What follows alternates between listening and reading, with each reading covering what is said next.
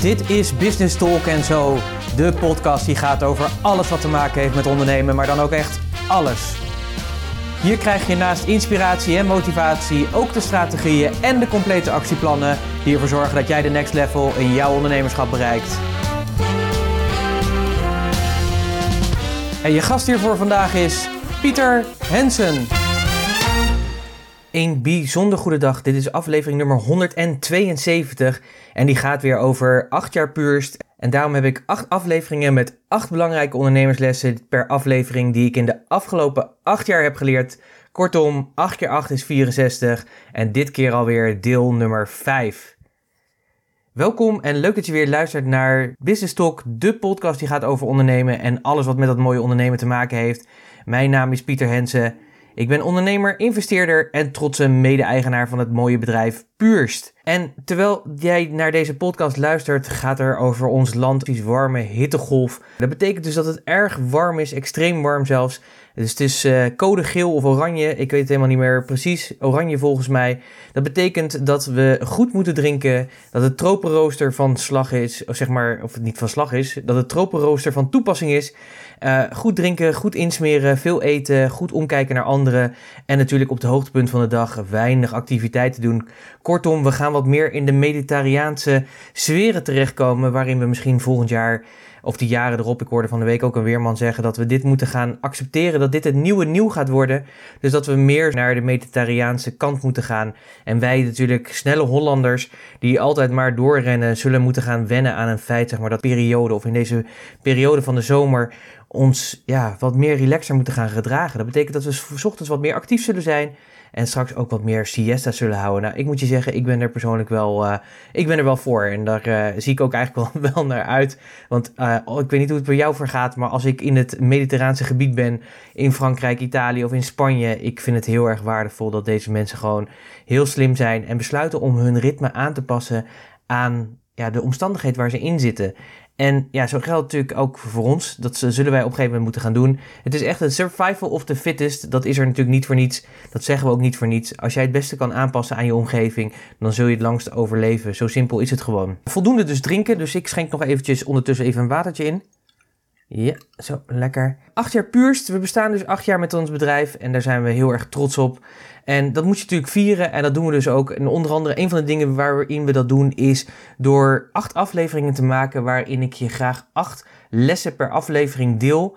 Ondernemerslessen die ik in de afgelopen acht jaar in mijn ondernemerschap heb geleerd. Ik denk hele waardevolle lessen, lessen waarvan jij kan leren, die je kan modelleren. Met als doel natuurlijk dat je geïnspireerd raakt.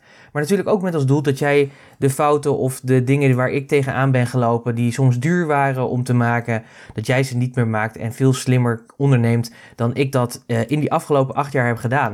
Ik heb natuurlijk heel veel geleerd, veel ontwikkeld, veel inzichten opgedaan en die deel ik dan ook uh, graag met je. Mocht dit voor jou de eerste zijn van de acht lessen die je nu luistert, als je gaat naar podcast 103 117, 159 en 169, dan hoor je de andere podcast. Dat kun je doen onder andere naar onze website te gaan of naar soundcloud.com slash businesstalk. Daar vind je ook het kanaal waar ik elke keer al mijn podcasts upload. En zo komen ze ook in iTunes en op andere kanalen terecht. Um, kijk maar even wat voor jou het beste passend is. En natuurlijk, zoals je van me gewend bent, heb ik natuurlijk ook weer bij deze podcast allerlei notities gemaakt. Dat doe ik elke keer. Dus ook deze keer krijg je weer die acht lessen samengevat. Ik ga ze alle keer allemaal een keer bij elkaar samenvoegen. Ik ga er letterlijk een boekje van maken. Dus het komt eraan. Maar iemand die informeerde mij ook al. Die zei van, oh, ik vind het super waardevol, want ik doe ze bij elkaar. Ik heb ze nu al in een mapje zitten. Nou, super tof natuurlijk. Wil je de podcastnotities van deze keer hebben? Ga daarvoor naar puurs.nl slash podcast 172. En ik zal ook nog wel even in die notities opnemen dat je waar je aflevering 103, 117, 159 en 169 kan vinden. Zodat je ook al die andere kan terugluisteren als je dat uh, zou willen. En ja, de zomer is daar natuurlijk een hele mooie tijd voor. Zeker, ik weet niet of je nu vakantie hebt. Misschien luister je wel op vakantie. Dat vind ik ook het mooie van dit medium, de podcast. Is dat je dat op verschillende manieren en tijden kan luisteren.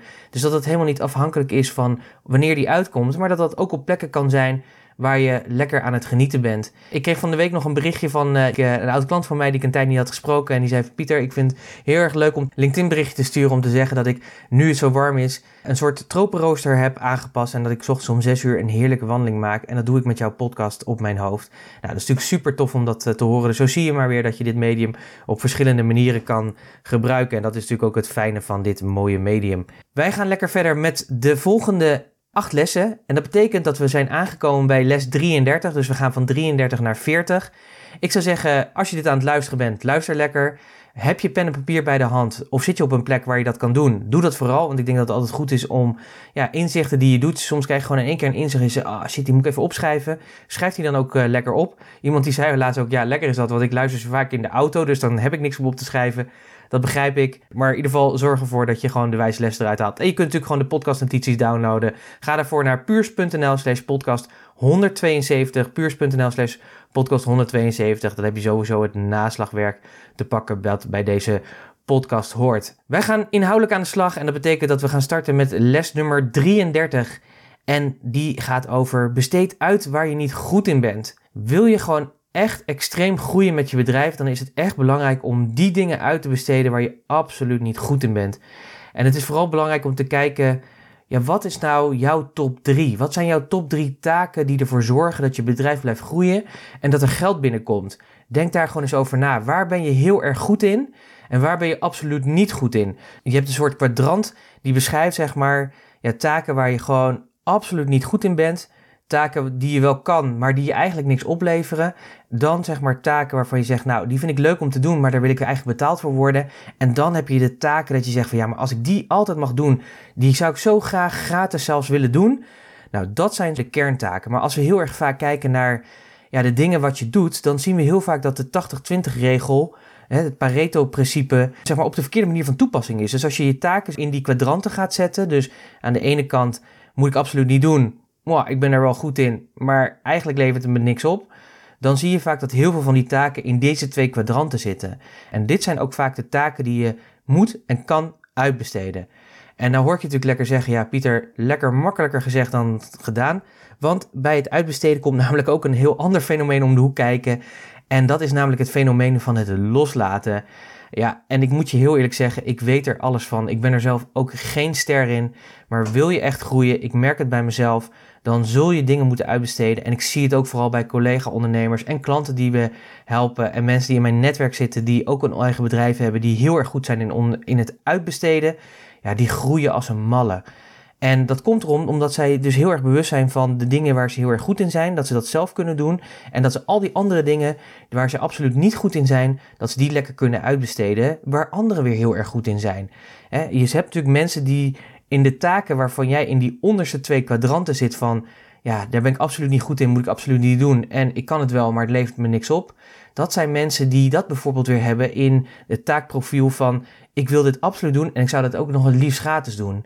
Nou, dat kun je soms bij, in sommige taken bijna niet voorstellen. Ik heb dat bijvoorbeeld met mijn administratie, maar er zijn echt mensen die het fantastisch vinden om bonnetjes in te kloppen, om die cijfers kloppend te maken. En die hebben daar heel veel lol in. Nou, dat is natuurlijk heel erg fijn, dus zet die mensen dan ook daarvoor in. Wat ik net ook al zei, ja, weet je, dat loslaten, dat is echt een dingetje. Ik heb er vandaag de dag nog steeds last van. Ik word er wel steeds beter in, maar, en, en dat herken je vast misschien zelf ook wel. De overtuiging van, ja, maar ik kan dit gewoon het beste. Het is mijn bedrijf, ik weet hoe ik dit het beste doe. En zeker als je een dienstverlener bent, zoals ik ook ben, het begeleiden van anderen, dan weet je gewoon van, ja, maar als ik dat ga uitbesteden bijvoorbeeld aan anderen, yo, weet je, dat, dat is gewoon niet handig. Alleen de grap is, ik heb dat ook moeten leren dat dat natuurlijk wel zo is. Dat je natuurlijk, in die zin ben je natuurlijk wel uniek in de dienstverlening die je levert. Maar je hebt dan iets anders te doen. En dat heeft te maken, als jij hele goede, goede procedures en processen hebt met die duidelijke checklist, dan kun je zeker heel veel taken of onderdelen van jouw proces waar jij klanten in helpt, die kun je dan uitbesteden aan anderen die daar beter in zijn. En dat is heel erg fijn. En ik heb gemerkt dat eigenlijk dat je alles in je bedrijf zou je kunnen uitbesteden. Ik moet zeggen dat ik er nog niet aan toe ben. Sterker nog, om heel eerlijk op te biechten, ik maak ook nog steeds elke keer deze podcast. Ik edit hem nog steeds zelf. Dat kunnen al lang andere mensen doen. Maar ergens heb ik een soort overtuiging in mijn hoofd. Ik kan dit op de beste manier. Want ik weet precies waar ik moet knippen. Waar ik de dingen uit moet halen. Waar ik de nadruk op wil leggen. Maar ook dat is natuurlijk onzin. Dus ook voor mij zit een reminder, een noot aan mezelf dat ik ook dit proces zo snel mogelijk moet gaan uitbesteden. Omdat ik het wel heel erg leuk vind, zoals nu, om het op te nemen, maar niet om het te editen en al die andere dingen eromheen te doen. De podcastnotities te maken, wel de content te schrijven, maar niet het op te maken in allerlei programma's en dat soort dingen. Dat is natuurlijk waar andere mensen natuurlijk veel beter in zijn. En het leuke is, is zeg maar, als je je proces, en dat heb ik ook moeten leren, want ik dacht ook in mijn coaching van ja, weet je, er zit een maximum aan tijd wat we kunnen investeren. Heel erg simpel, hè? net zoals voor iedereen. Er zitten 24 uur in een dag, 7 dagen in een week. Dus ja, er zit natuurlijk op een gegeven moment een maximum aan wat je, zeg maar, zeker als je één op één met mensen werkt, kan betekenen. Maar ik heb ook geleerd dat het belangrijk is in een coachingsproces of in het proces van begeleiden, ja, is een bepaald proces. En dat proces dat kun je beschrijven, daar zitten bepaalde stappen in. En dat betekent dus dat je anderen moet gaan coachen of gewoon inzetten op het proces. En niet op de totale breedte, maar alleen op het proces waar die klant in zit. En daardoor kan het dus dat je dingen uit gaat besteden aan anderen. En dat is ook logisch, want kijk maar naar alle grote organisaties. Daarvan is echt niet meer zo dat de founding father of mother het bedrijf nog runt. Nee, die heeft dat uitbesteed alle taken zijn uitbesteed aan andere mensen en ook die focust zich op haar of zijn top 3, waarin hij of zij het beste in is. Kijk eens naar al je taken. Zet ze eens in die kwadranten. Taken die je absoluut niet moet doen, waar je ook niet goed in bent, waar je geen energie van krijgt, waar je fouten in maakt de taken waarvan je zegt, nou ja, die kan ik wel, maar die leveren indirect gewoon niet iets op. En je zegt van ja, die dragen eigenlijk dus in die zin niet bij dat jij ze doet. En dan heb je taken waarvan je zegt, ja, die vind ik echt super leuk om te doen, maar nog niet zo leuk dat je zegt van nou, die zou ik gratis willen doen, dus daar wil ik nog wel voor betaald worden. En dan natuurlijk het ultieme is die taken waarvan je zegt van ja, maar daar ben ik zo goed in, die vind ik zo leuk om te doen en die zou ik het liefst de hele dag gratis doen. Zet ze daar eens in. Kijk dan eens een keer hoe de verhouding is. En die onderste twee kwadranten ga die meteen uitbesteden. Je zult gaan merken dat als je dat doet, als je daarop gaat investeren, dat je groei enorm hard kan gaan. Dus besteed uit waar je niet goed in bent. Dat was les 33. Les 34 is welke rollen en taken zijn er in je bedrijf en wie is waar verantwoordelijk voor?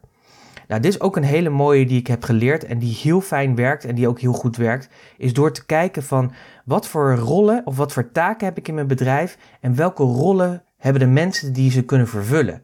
En wat ik daarmee bedoel is, er zijn altijd een aantal hoofdtaken, een aantal hoofdthema's binnen je bedrijf. Bijvoorbeeld even om het wat praktisch te maken, binnen ons bedrijf Puurst hebben we namelijk vier hoofdtaken beschreven. De eerste is contentcreatie, de tweede is marketing, de derde is bedrijfsvoering en de vierde is personeel.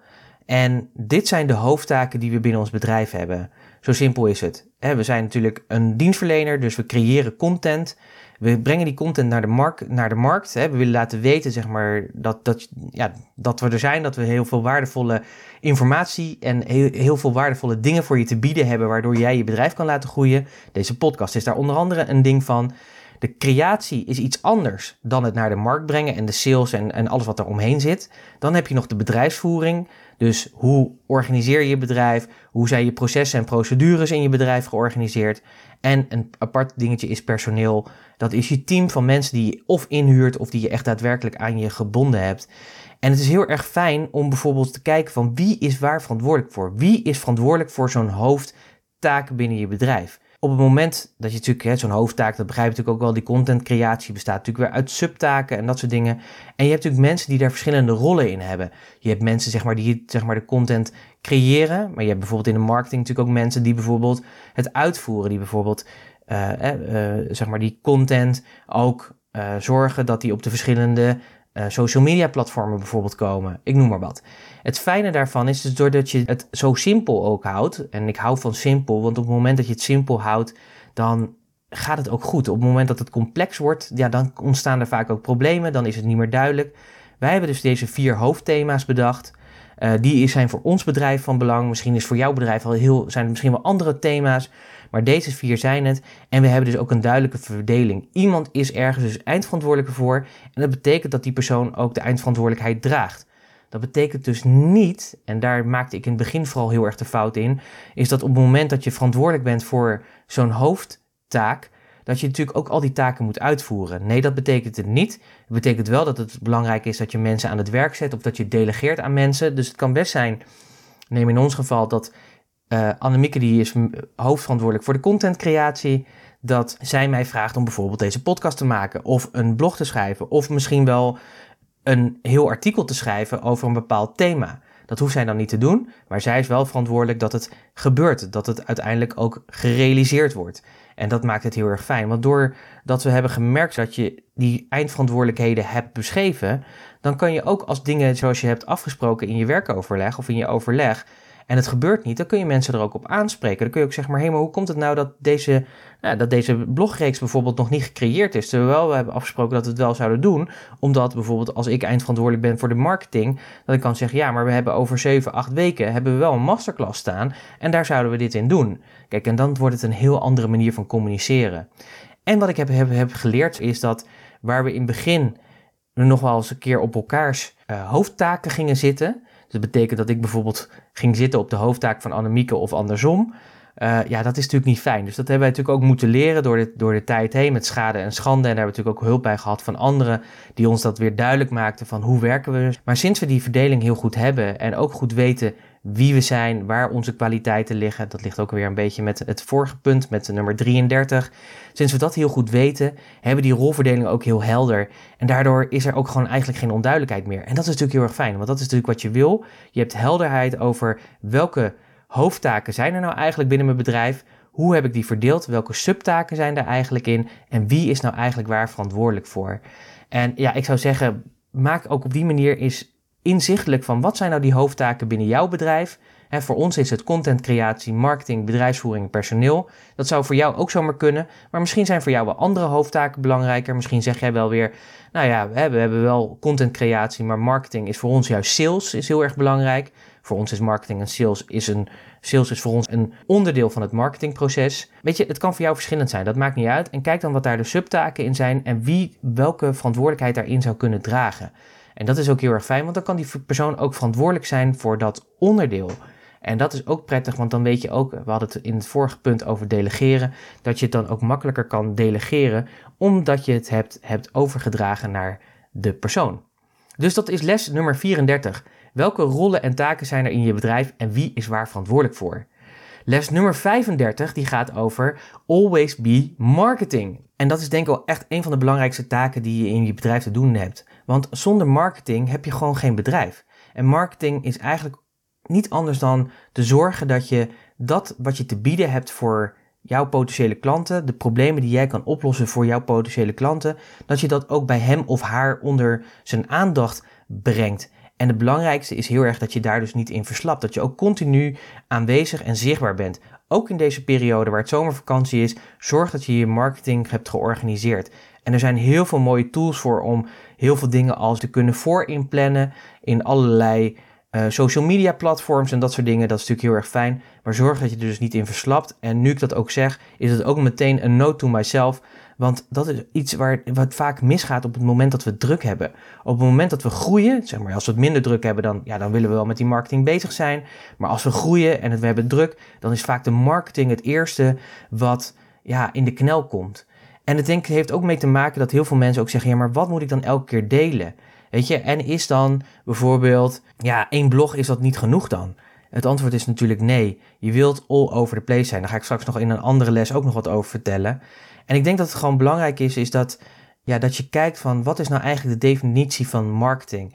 De definitie die wij gebruiken is die van Peter Drucker. Hij is managementguru in de jaren 70 en 80. En dan zul je zeggen, jongens, jongens, jongens, Pieter, Puurst, innovatief bedrijf die veel ondernemers helpt om te groeien. Die gaan management dingen gebruiken uit de jaren 70 en 80.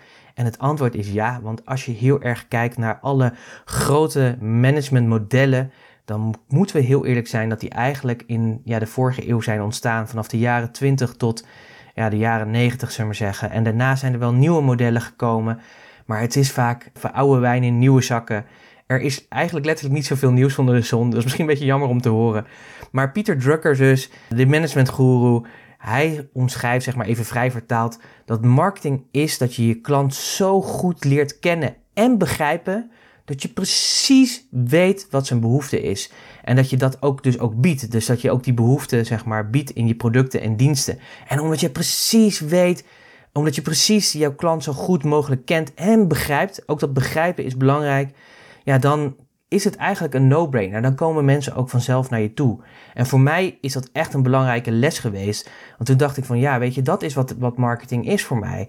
Dus er is altijd een moment dat ik mijn klant beter kan leren kennen. En daar ben ik dus ook nooit klaar mee. Dus alle gesprekken die ik voer, ik heb het vaker gezegd, alle gesprekken die ik voer zijn voor mij marktonderzoeksgesprekken om te horen waar is die klant mee bezig. Ik hou de trends in de gaten. Ik denk ook dat dat ook heel belangrijk is. Dat je kijkt wat zijn je sterktes en zwaktes, maar wat zijn ook de trends in de markt. Want de behoeften van klanten, en zeker door IT, zijn sterk aan verandering onderhevig. En dat is heel erg belangrijk om ja, dan te zorgen dat je wel de juiste behoeften uh, ja, bevredigt voor je klant. En daarom is het zo belangrijk om ze continu te goed te kunnen blijven kennen. Echt begrijpen wat die klant bezighoudt. En dat verandert dus. Dus hou dat goed in de gaten. En ja, het is natuurlijk belangrijk om natuurlijk ook gewoon, ja, dat noemen wij ook on surround sound te zijn. Zorg dus dat je gewoon on surround sound staat. Dat je bij je potentiële klant, bij die doelgroep van jou, onder de aandacht bent op verschillende platformen, in verschillende netwerken, noem maar op ik krijg vaak ook echt de opmerking van jongen, jij bent ook overal, weet je. Ik kom hier tegen en ik zal nog een heel leuk voorbeeld even noemen waar ik erg om gelachen heb. Ik was laatste keer bij een netwerkbijeenkomst. Ik moet er nog over lachen als ik erover nadenk. Uh, een dame die mij vertelde van Pieter, ja, ik vind het nu echt te veel worden hoor. Ik vind het echt te veel worden. Ik vind je een hartstikke leuke vent. Ik vind het super tof dat jullie zo actief bezig zijn met je bedrijf. Maar ik moet je zeggen, ik doe aan WordVoid en ik heb daar de gratis versie van. En daar zitten allemaal advertenties in. Een WordVoid voor degenen die dat niet kennen. Dat is eigenlijk een soort Scrabble, maar dan uh, gewoon in een app. En ik doe dat met mijn moeder. Ik leg daar elke dag uh, de woorden in. En potverdorie, ik zat op een gegeven moment om 8 uur s'avonds op de bank om de fantastische WordVoid app te openen en samen met mijn moeder aan de slag te gaan. En potverdorie, ik zie gewoon een reclame ding van jullie voorbij komen. En ze zei, ja, nu moet het echt niet gekker worden. Nu ben ik er wel een beetje klaar mee. Moest ik wel heel erg om lachen. Maar dat is natuurlijk wat gebeurt. Het was natuurlijk een onderdeel van een Facebook advertentie. En Facebook kon je dingen aangeven dat je ook op andere kanalen uh, ja, je advertentie wil laten runnen. Die passend zeg maar bij de doelgroep zijn. En zo kun je dus zien dat het zomaar kan zijn dat iemand ja, op een gegeven moment echt een beetje gek van je wordt. Maar dat vind ik mooi, want op het moment dat je op die surround sound staat, betekent dus dat je ook overal aanwezig bent. En dat is dus heel erg fijn. Dan zien mensen je ook. En zeker als je dan ook nog zo goed mogelijk in je communicatie aansluit bij wat jouw klant bezighoudt, dat je je echt goed kent en begrijpt. Ja, weet je, dan is het gewoon fantastisch. Dan komen ze echt zelf naar je toe. En dan is marketing ook gewoon heel erg leuk. Ik vind het heel erg tof om ermee bezig te zijn, omdat ik gewoon echt wil weten wat jou drijft als ondernemer. Wat houdt je tegen? Wat zijn je problemen? Waar lig je s'nachts wakker van? Ik wil echt letterlijk naast je in bed liggen om te begrijpen waar jij de s'nachts van wakker ligt. En liefst ga ik die conversatie ook s'nachts met jou in je hoofd aan om te begrijpen wat jou bezighoudt. Dan kun je echt de meest waardevolle diensten leveren die je maar kan bedenken. Les nummer 36 gaat over kies twee kanalen en wees daar 100%. En wat ik daarmee bedoel is, is dat ja, je kan soms nog wel eens het gevoel hebben van, weet je, ik moet, hè, ik had het er net over, van zorg dat je op, op surround sound staat. Dus dat je altijd overal zichtbaar en aanwezig bent. Maar er is heel veel in de aanbieding. In social media heb je natuurlijk heel veel eh, verschillende social media platforms waar je je content kan plaatsen. Um, maar daarnaast heb je natuurlijk ook offline allerlei mogelijkheden en manieren om aanwezig te zijn. Dat kan zijn op verschillende netwerkbijeenkomsten, dat kan zijn door fysiek te adverteren, nou noem maar op. Zorg natuurlijk vooral dat, dat je dat kiest wat bij je past. En wat ik bedoel is, kies bijvoorbeeld voor twee, noem maar even, social media kanalen als ondernemer ontkom je gewoon eigenlijk ook niet aan om gewoon aanwezig te zijn op social media. Maar zorg dan wel dat je aanwezig bent zeg maar, op die kanalen waar ook jouw potentiële klant, waar je doelgroep ook zit. Dus ga niet op Twitter als je klant er niet zit. En post ook zeker geen tweet één keer per dag of één keer per week. Want dat is echt totaal zinloos. Uh, en zeker ook als je bedenkt dat er maandelijks 315 miljoen Twitter-gebruikers actief zijn wereldwijd en dat er dagelijks meer dan 500 miljoen tweets per dag worden verstuurd, ja, dan snap je mijn punt natuurlijk dat één tweet in de week heeft gewoon geen zin. Dus daarin heb je wat te doen. Dus mijn advies is ook, en dat heb ik ook zelf moeten leren, zorg ervoor dat je één of twee kanalen kiest.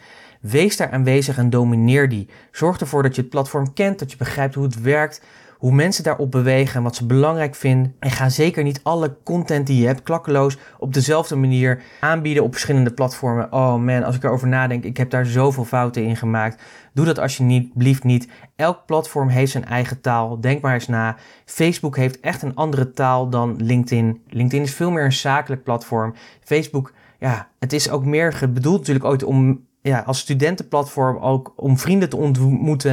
Dat is natuurlijk heel erg uitgebreid.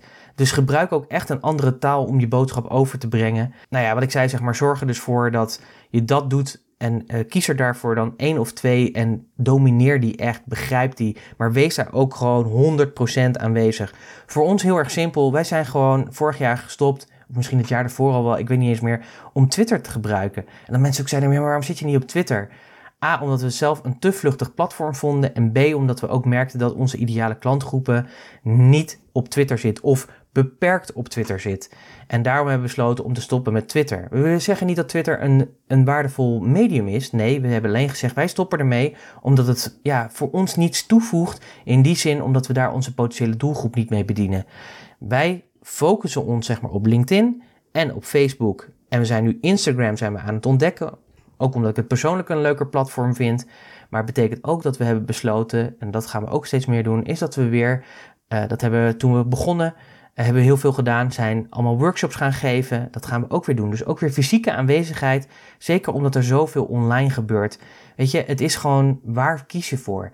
Maar kies één of twee, domineer die en pak er dan weer eentje bij als je daar aan toe bent. En zorg natuurlijk altijd ervoor dat je dat doet waar je potentiële groep ja, aanwezig is en waar je ze kan vinden en waar die ook jouw content kan vinden. Les nummer 37. Les nummer 37 is ook een toffe, maar ook een lastige. En dat is omring je met gelijkgestemden. En die is echt essentieel. Want het is zo belangrijk om gewoon een groep mensen om je heen te verzamelen die gelijkgestemd zijn. Die dus ook ambitieus zijn, maar die ook gelijke karaktertrekken hebben. Die dus ook verantwoordelijkheid nemen voor hun eigen leven en de fouten die ze erin maken. Die niet in een slachtofferrol zitten. Die niet anderen de schuld geven als dingen misgaan. Maar vooral naar zichzelf kijken van hé, hey, maar waar heb ik het laten liggen? Die bereid zijn om aan zelfontwikkeling te doen. Dus die ook gewoon regelmatig een boek pakken. Die coaching hebben. Die trainingen volgen en dat soort dingen. Het is zo belangrijk om niet zeg maar met slapers, met zombies noem ik ze wel eens, je te omringen. Mensen die, die, die dus ook niet klagen en die dus niet roddelen over anderen. Het is zo belangrijk om je daar niet mee in te laten. En dan zul je zeggen, ja Pieter, maar wat maakt het nou uit? Ja, het maakt heel veel uit, want je wordt ermee besmet. En het risico is, is dat, dat zeggen ze ook vaak, kijk naar je peer group, zullen we zeggen, en je wordt een gemiddelde van die groep. En dat wil je niet. Je wil gemiddelde worden van de groep waar je toe behoort. En heel vaak is het zo dat als je gaat kijken naar de groep waarin je zit, en dat is vaak pijnlijk. Voor mij was die ook pijnlijk om dat te ontdekken. En toen ik daarop gewezen werd om dat in kaart te brengen, betekent gewoon dat je vaak in een verkeerde peergroep zit, omdat je zelf aan het ontwikkelen bent en dat de groep mensen met wie je in je omgeving zit, ja, daar niet in past of onvoldoende in past. Dus het is heel erg belangrijk om op zoek te gaan naar die groep van gelijkgestemden. Investeer daarop. Ga naar netwerken waar je ze vindt. Als je dat spannend vindt, ga het gewoon doen. En durf ook letterlijk afscheid te nemen van mensen die dus hier niet in passen, die je omlaag halen, die niet je aanmoedigen om verder te groeien. Als er mensen zijn die zeggen, als er vrienden zijn of familie zijn die zeggen van joh, maar waarom moet je nou weer de volgende stap zetten? Of waarom moet je alsmaar meer? Dat zijn mensen die moet je echt uit je leven bannen. En ja, dat is niet makkelijk. Zeker ook als het familie is, dan is dat niet, niet ja, soms ontkom je er niet aan. Maar je hebt wel keuzes om daar op een bepaalde manier mee om te gaan. Jij kunt ervoor kiezen om met bepaalde familieleden op een andere manier je te gaan verhouden. En je kunt er ook voor kiezen op het moment dat je toch met ze in gesprek komt, of dat je ze in aanraking met ze komt, omdat je er simpelweg niet onderuit komt, is dat je toch besluit om er anders in te gaan staan. Om er echt je ervoor af te sluiten. En als je vrienden hebt die gewoon niet meer passen, neem dan ook alsjeblieft afscheid. Het is heel erg moeilijk. Ik heb dat ook moeten doen. Ik vind dat echt niet makkelijk. Zeker niet omdat ik iemand ben die graag voor een goede sfeer gaat, lastig vindt om moeilijke gesprekken aan te gaan. Ik heb dat echt moeten leren. Maar een mentor voor mij die zei ook altijd, en zegt dat nog steeds, moeilijke keuzes maken een makkelijk leven. En zo is het ook echt. En mocht je het ook echt lastig vinden, dan heb ik nog wel een aanrader voor je. Wat mij heel erg heeft geholpen is het boek De Alchemist van Paolo Coelho. Hij is gewoon schrijver, hij schrijft een heel mooi boek, maar er zit een heel veel diepere laag in het boek. Zie die laag niet, dan heb je gewoon een mooi verhaal te lezen. het is geen dik boek, De Alchemist. Het gaat erover dat Hij beschrijft dat iedereen zijn eigen legende te leven heeft. En dat je gedurende de reis die je onderweg bent om je legende waar te maken, dat je mensen tegenkomt waar je wat van moet leren en waar je ook weer afscheid van neemt. En dat was voor mij een heel erg wijs inzicht, dat ik dacht van, oh, maar zo zit het dus. Dus het is ook helemaal niet raar om gedurende de, reis die het leven heet, dat er sommige mensen voor eeuwig meelopen en dat er voor andere mensen betekent dat ze een tijdje met je meelopen, omdat we letterlijk allemaal passanten van elkaar zijn. En soms loop je wat langer mee en soms wat minder lang. En het fijne is dus als je er zo naar kan kijken, dat ik nu ook mensen gewoon kan bedenken van, hé, hey, het is ook goed. Het is ook goed dat we afscheid van elkaar nemen. En dat ik je bedank voor dat wat je van je hebt geleerd, maar ik ga nu verder. Ik ga nu een andere route op dan dat jij gaat. En ja, wie weet kom je elkaar na een verloop van tijd weer tegen. Dan heb je elkaar weer te ontmoeten en weer wat van elkaar te leren. Maar misschien ook niet. En dan is het ook goed om afscheid te nemen en die ander het beste te wensen. En hem of haar te bedanken voor alle wijsheid die je van hem hebt, of haar hebt ontvangen. En dat is natuurlijk heel erg waardevol. Om op die manier naar te kijken. Het maakt voor mij afscheid nemen. Ja, het voelt niet meer als afscheid nemen. Het voelt als dankbaar zijn voor dat wat je met elkaar hebt mogen delen. En weer door te gaan naar nieuwe wegen die ervoor zorgen dat jij je legende kan leven. Nou, hoe cool is dat? Les nummer 38 die gaat over de kracht van een mastermind en een buddy. En die heeft eigenlijk dus ook wel wat te maken met les nummer 37. Eh, is dat het belangrijk is, is dat je in je ondernemerschap ook die groep gelijkgestemde ondernemers om je heen verzamelt. Uh, met wie je kan sparren over je business en dingen waar je tegenaan loopt. En dat is echt een aanrader om te doen. Ik doe dat regelmatig. En sinds ik dit doe, dat verrijkt zo mijn leven. Ik kom tot zo waardevolle inzichten. Want ja, ik weet niet hoe het voor jou is, maar het ondernemen kan soms best wel alleen zijn. Jij bepaalt, het is jouw keuze, het is jouw bedrijf. Ook al heb je een fantastisch team om je heen, nog steeds ben jij degene die uiteindelijk de beslissingen neemt en de eindverantwoordelijke is. Dus hoe cool en hoe fijn is het als je een groep van mensen om je heen hebt waar je regelmatig mee kan sparren, waar je moeilijke situaties kan delen, waar je je successen kan delen. Zo belangrijk om, uh, om dat te doen. En soms kun je daar ook gewoon letterlijk naar op zoek gaan. Soms kun je daar gewoon een. ontstaat het van nature dat je mensen ontmoet en zegt van hé, hey, zullen we dat oppakken met elkaar? Maar soms kun je het ook gewoon letterlijk opzoeken. Ik ben vorig jaar naar Miami geweest, heb ik vaak over verteld. Ik heb daar ook uh, drie podcasts over gemaakt. Ik heb er 15 lessen uitgehaald, omdat ik toen daar was met een kleine groep Nederlandse ondernemers. En we hebben het gehad over de groei van onze business, over de uitdagingen die we daarin hebben. En we hebben elkaar verder geholpen om daarin te groeien. En dat was super waardevol. Nou, als je dat uh, wilt terugluisteren, ga daarvoor dan eventjes naar aflevering 5, 7 en 10. Daarin deel ik de 15 ondernemerslessen die ik uit mijn mastermind in Miami heb gehaald. En ik zal ze ook opnemen in de podcastnotities. En mocht je die nog niet gedownload hebben, ga dan even naar puurs.nl slash podcast 172. Daar vind je ze natuurlijk. Dus dat is al heel waardevol. En zorg er ook voor dat je een buddy hebt. Iemand met wie je één op één kan afspreken en met wie je frequent ook afspreekt en dat je afspreekt van hé, hey, maar deze doelen wil ik behalen. En dat je wekelijks, het kan wekelijks of twee wekelijks, ik doe het wekelijks. Ik heb een buddy, ze heet Nathalie. Ik spreek wekelijks op maandag om half vier met haar af. En dan hebben we het over ja, de dingen waar we tegenaan lopen. Dan doen we allebei een half uur. Je spreekt waar je tegenaan loopt. De ander die geeft daar zijn feedback op. En dan kun je gewoon weer mee verder. En dat is zo waardevol. Zeker ook omdat je al die excuses waarom je dingen niet doet. Ja, je, je hebt zo je eigen eigenaardigheden, zullen we maar zeggen. En het is zo fijn als je iemand hebt die daar even doorheen prikt. Ik denk dat het ook goed is om je te realiseren dat je niet eeuwig bij elkaar moet blijven. Want het betekent op een gegeven moment ook dat je elkaar goed leert kennen. En dat je op een gegeven moment ook in elkaars valkuilen uh, ziet, maar ook trapt. En het is ook goed om na een verloop van tijd ook weer daarin afscheid dus van elkaar te nemen. En bedenk ook dat het handig is om per onderwerp of diverse onderwerpen um, verschillende mastermind groeps of buddies te, kunnen hebben. Zorg wel niet dat je er 20 of 30 hebt, want dan kom je niet meer aan je werk toe. Maar even als voorbeeld, ik heb met Nathalie een buddyschap. Ik ben bijvoorbeeld naar Miami geweest om over mijn business te praten. Dat doe ik in meerdere vormen. En ik heb bijvoorbeeld over wealth, dus over rijkdom, gezondheid en dat soort dingen, heb ik met een koppel ondernemer, want Annemiek en ik zijn natuurlijk ook een koppel, hebben elkaar gevonden. En elke maandag om half negen spreken we met elkaar af en hebben het over, ja, wat zijn nu onze successen als het gaat om geld en dat soort dingen. We nemen het boek Think and Grow Rich van Napoleon Hill, een heel belangrijk boek waar die mastermind ook in wordt uitgelegd, dat dat een van de belangrijke dingen is als je succes wil hebben in je bedrijf en in je leven. Die nemen we als uitgangspunt en die bespreken we met elkaar. We hebben wat opdrachten daarin. Een van de dingen is bijvoorbeeld dus dat we elkaar 6 augustus gaan ontmoeten en dat we een soort presentatie aan elkaar gaan geven over bepaalde doelen die we willen realiseren. Nou, dat is zo tof, want je krijgt dan natuurlijk mensen die daarop gaan ja, reflecteren, je dingen teruggeven, waardoor het sterker en beter wordt. En het fijne is dat we ja, ze met natuurlijk ook aan gaan houden. Dus dat is een heel ander onderwerp dan ik vaak met Nathalie bespreek. En zo heb ik daar zo mijn verschillende groepen in. Ik zou je willen aanraden, als je dat niet hebt, zoek dat op. Zet die vraag gewoon echt uit. Zet hem desnoods uit op eh, LinkedIn of Facebook of waar dan ook. Of kijk eens in je netwerk met wie denk je van... hé, hey, dat zou wel een gelijkgestemde kunnen zijn met wie ik dat zou kunnen delen. Doe dat dan ook. Pak dat dan ook echt op. Super tof. Super waardevol. Voor mij persoonlijk een van mijn belangrijkste ondernemerslessen. Ja, het is zo moeilijk om altijd te kiezen, maar ik denk dat dit wel echt een gamechanger is... Uh, of een, ja, eentje die echt verandering brengt en continu verandering houdt. En dat is denk ik ook een hele belangrijke. Les nummer 39 is ook een zo'n mooie en dat is begin je dag met je top 3. Ik weet niet of je dat kent, maar ik heb regelmatig last van uitstelgedrag. Nou, waarschijnlijk heb jij dat ook, want je bent ook mens. En heel vaak heb ik gewoon zin om dingen te doen of op te pakken. En vooral dingen waar ik tegenop zie.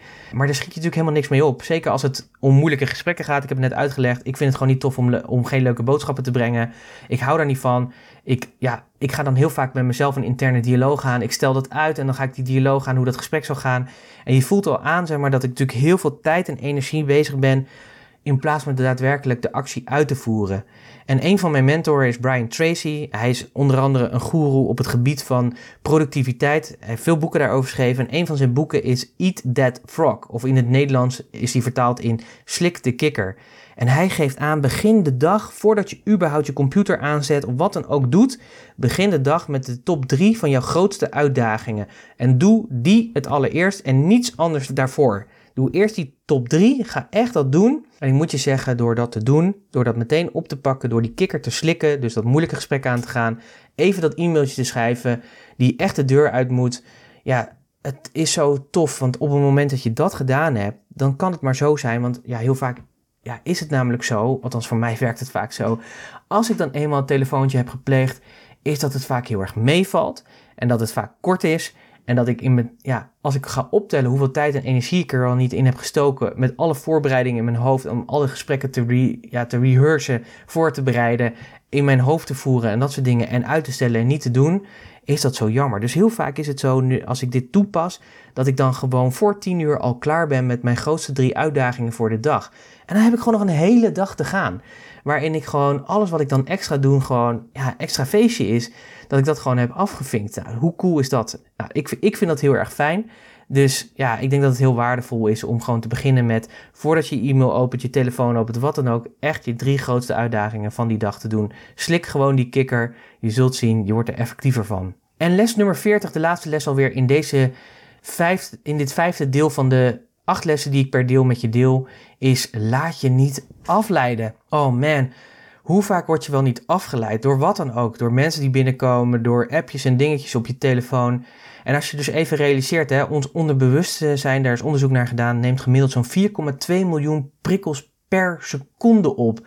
Dus 4,2 miljoen prikkels. Dus ja, ik laat even een stilte vallen. 4,2 miljoen prikkels per seconde. Denk daar eens over na hoeveel prikkels dat zijn in een uur. Ongelooflijk. Natuurlijk wordt dat gefilterd, dat is heel erg fijn, tot ongeveer 5 tot 9 behapbare eenheden.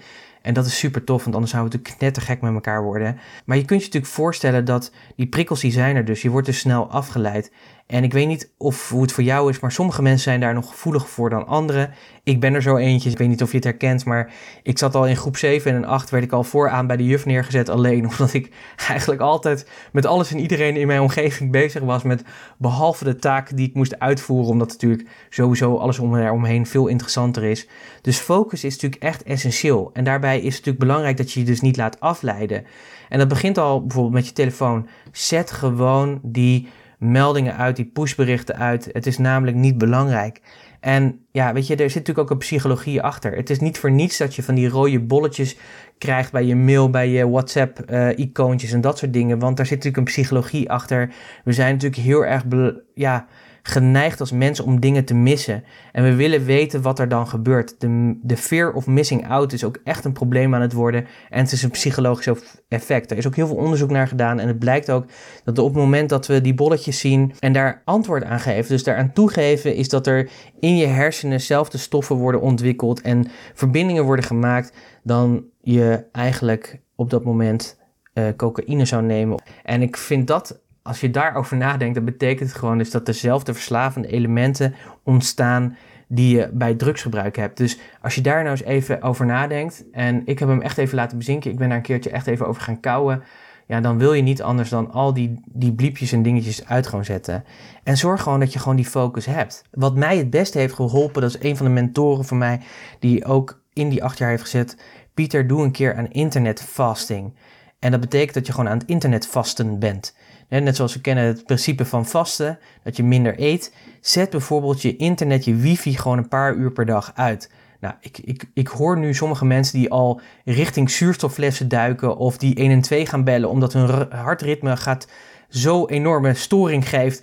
Alleen al bij het idee om gewoon niet verbonden te zijn, maar ik zou je willen adviseren, ga het eens een week proberen. Gewoon twee, drie uur lang niet online zijn.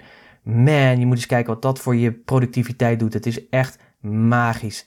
Laat je dus, dus niet afleiden. Zet dat, ja, je telefoon uit. Zet je computer uit. Focus je echt op de taak die je doet. Ook als je thuis werkt bijvoorbeeld. Laat je kinderen ook weten dat ze wel of niet welkom zijn. Ik heb bijvoorbeeld een uh, klant van mij die thuis werkt. Die letterlijk een stoplicht op haar werkkamer heeft hangen op de deur. En heeft gezegd: jongens, als die op rood staat, dan mag je niet storen. Tenzij er natuurlijk brand is of ongeluk of wat dan ook. Als die op groen staat, ben je welkom. En als hij op oranje staat, ja, dan moet je gewoon eventjes echt afvragen of het echt belangrijk is dat je je moeder nu stoort. Ja of nee. Nou ja, weet je, zo zie je maar. Zo zijn er verschillende manieren om uh, dat te kunnen doen.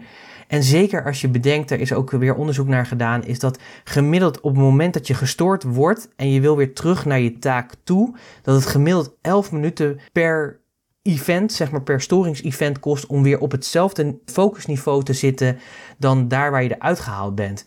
Nou, en als je dan eens even op een rijtje gaat zetten hoe vaak je per dag afgeleid wordt, ja, dan weet je dus ook wel dat je heel veel kostbare tijd verspilt. Dus zorg daarin goed voor jezelf. Nou, een voorbeeld nog eventjes die ik mezelf, uh, die ik graag even met je deel, is bijvoorbeeld op het moment hè, dat ik die 64 tips heb geschreven, want die heb ik natuurlijk achter elkaar doorgeschreven, ben ik op een klein kamertje afgesloten gaan zitten op een andere locatie. Ik heb mijn rolluiken dicht gedaan, zodat er geen afleiding is, zodat ik echt uh, internet uit, zodat ik echt kan focussen op het schrijven van die tips. En dan gaat het ook echt als een malle.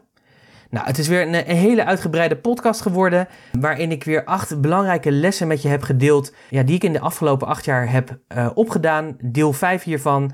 Ik zal ze nog even kort met je herhalen, zodat je het ook weer even fris voor de bril hebt. Les 33 was: besteed uit waar je niet goed in bent. Echt wil je groeien, zorg dan dat je uit gaat besteden. Daar zit je groei in. Ik heb het gehad over de vier kwadranten. Zet je taken daarin. En kijk zeg maar daar waar de taken zitten waar je absoluut niet goed in bent. Sterker nog, waar je ook gewoon gefrustreerd over raakt en besteed die taken vooral uit. Les nummer 34 ging over welke rollen heb je binnen je bedrijf en wie is daar verantwoordelijk voor. Ik heb het gehad dat wij vier rollen hebben in ons bedrijf, hoofdtaken. Het gaat over contentcreatie, marketing, bedrijfsvoering en personeel. En voor elke hoofdtaak is er iemand verantwoordelijk en dat maakt het ook een stuk simpeler. Always be marketing was les nummer 35. Zorg dat je altijd aanwezig bent, dat je altijd aan het marketen bent of aan bezig bent met je marketing. Verslap daar niet in. Uh, ik vind de definitie heel erg mooi van Peter Drucker die zegt van zorg dat je je klant zo goed kent en begrijpt dat je precies weet wat hij of zij nodig heeft, zodat die klant vanzelf naar je toe komt en zorg dat je op surround sound staat. Les nummer 36 ging over kies twee kanalen en wees daar 100% aanwezig. Domineer die gewoon. Uh, dat kan zijn op social media, maar dat kan ook offline zijn. Maar kies gewoon één of twee en wees daar gewoon 100% aanwezig. Dus focus je daar natuurlijk ook weer op. Les nummer 37 ging over omring je met gelijkgestemden. Zo'n belangrijke dat je echt een peer group hebt van mensen die echt passen bij daar waar jij ook naartoe wilt of waar je eigenlijk wilt zijn. En als je die dus niet in je omgeving hebt, neem er dus dan ook afscheid van. Niet makkelijk, maar het helpt zeker. Les nummer 38 ging over de kracht van de mastermind. Masterminds, geroepen van gelijkgestemde ondernemers, over ondernemersvraagstukken gaan brainstormen. Het helpt zo enorm. Zorg ook dat je een buddy hebt met wie je wekelijks of twee wekelijks kan afspreken. Om te zorgen dat je je doelstellingen realiseert. En die je ook accountable verantwoordelijk houdt voor dat halen van die doelstellingen. Les nummer 39 ging natuurlijk met begin de dag met je top 3. Ik had het over Brian Tracy, Eat That Frog. Slik de kikker, zorg ervoor dat je de drie lastigste en moeilijkste en uitdagende taken die je op de dag te doen hebt, dat je die meteen doet aan het begin van je dag en je werkdag. En niet iets anders tussendoor doet. Want je zult zien dat op het moment dat je die gedaan hebt, dan heb je de rest van de dag nog voor je. En is de rest eigenlijk alleen maar cadeautjes die je krijgt. En les nummer 40, de laatste van deze podcast, is natuurlijk: laat je niet afleiden. Ik heb erover gehad wat afleiding doet, hoe het werkt in ons brein, hoeveel tijd het ons kost. Dus neem jezelf serieus. Zorg daarin ook goed voor jezelf. Ik wil je in ieder geval weer danken dat je hebt geluisterd naar deze acht waardevolle ondernemerslessen die ik in de afgelopen acht jaar heb geleerd. Ik ben heel erg benieuwd wat jouw meest waardevolle inzicht was van deze acht. Laat me dat weten. Dat kun je doen door een reactie achter te laten op de website of op allerlei social media kanalen waar deze podcast komt. Onder andere in LinkedIn en op Facebook en Instagram wordt er wat gedeeld over deze podcast. Uh, van harte uitgenodigd om daarop te reageren. Ik vind dat super tof. Je helpt niet alleen jezelf ermee, maar ook anderen. Je inspireert ook anderen om te laten zien wat jouw belangrijkste inzicht is en hoe je ermee om bent gegaan. Wil je natuurlijk persoonlijk reageren, dan kan dat natuurlijk ook altijd. Mail me. Dat kun je doen door een mail te sturen naar pieter.puurs.nl. Vergeet natuurlijk niet de waardevolle podcastnotities te downloaden. Ga daarvoor naar puurs.nl slash podcast 172. Puurs.nl slash podcast 172. In die notities vind je ook de podcastverwijzingen naar de andere vier uh, podcasts die gaan over de acht lessen. Want er zijn al vier eerdere afleveringen over gemaakt. Nogmaals, heel erg bedankt voor het luisteren. Ik wens je een heerlijke zomer toe. Ik spreek je natuurlijk graag weer volgende week. Eh, ik zou zeggen, een mooie week weer en tot volgende week.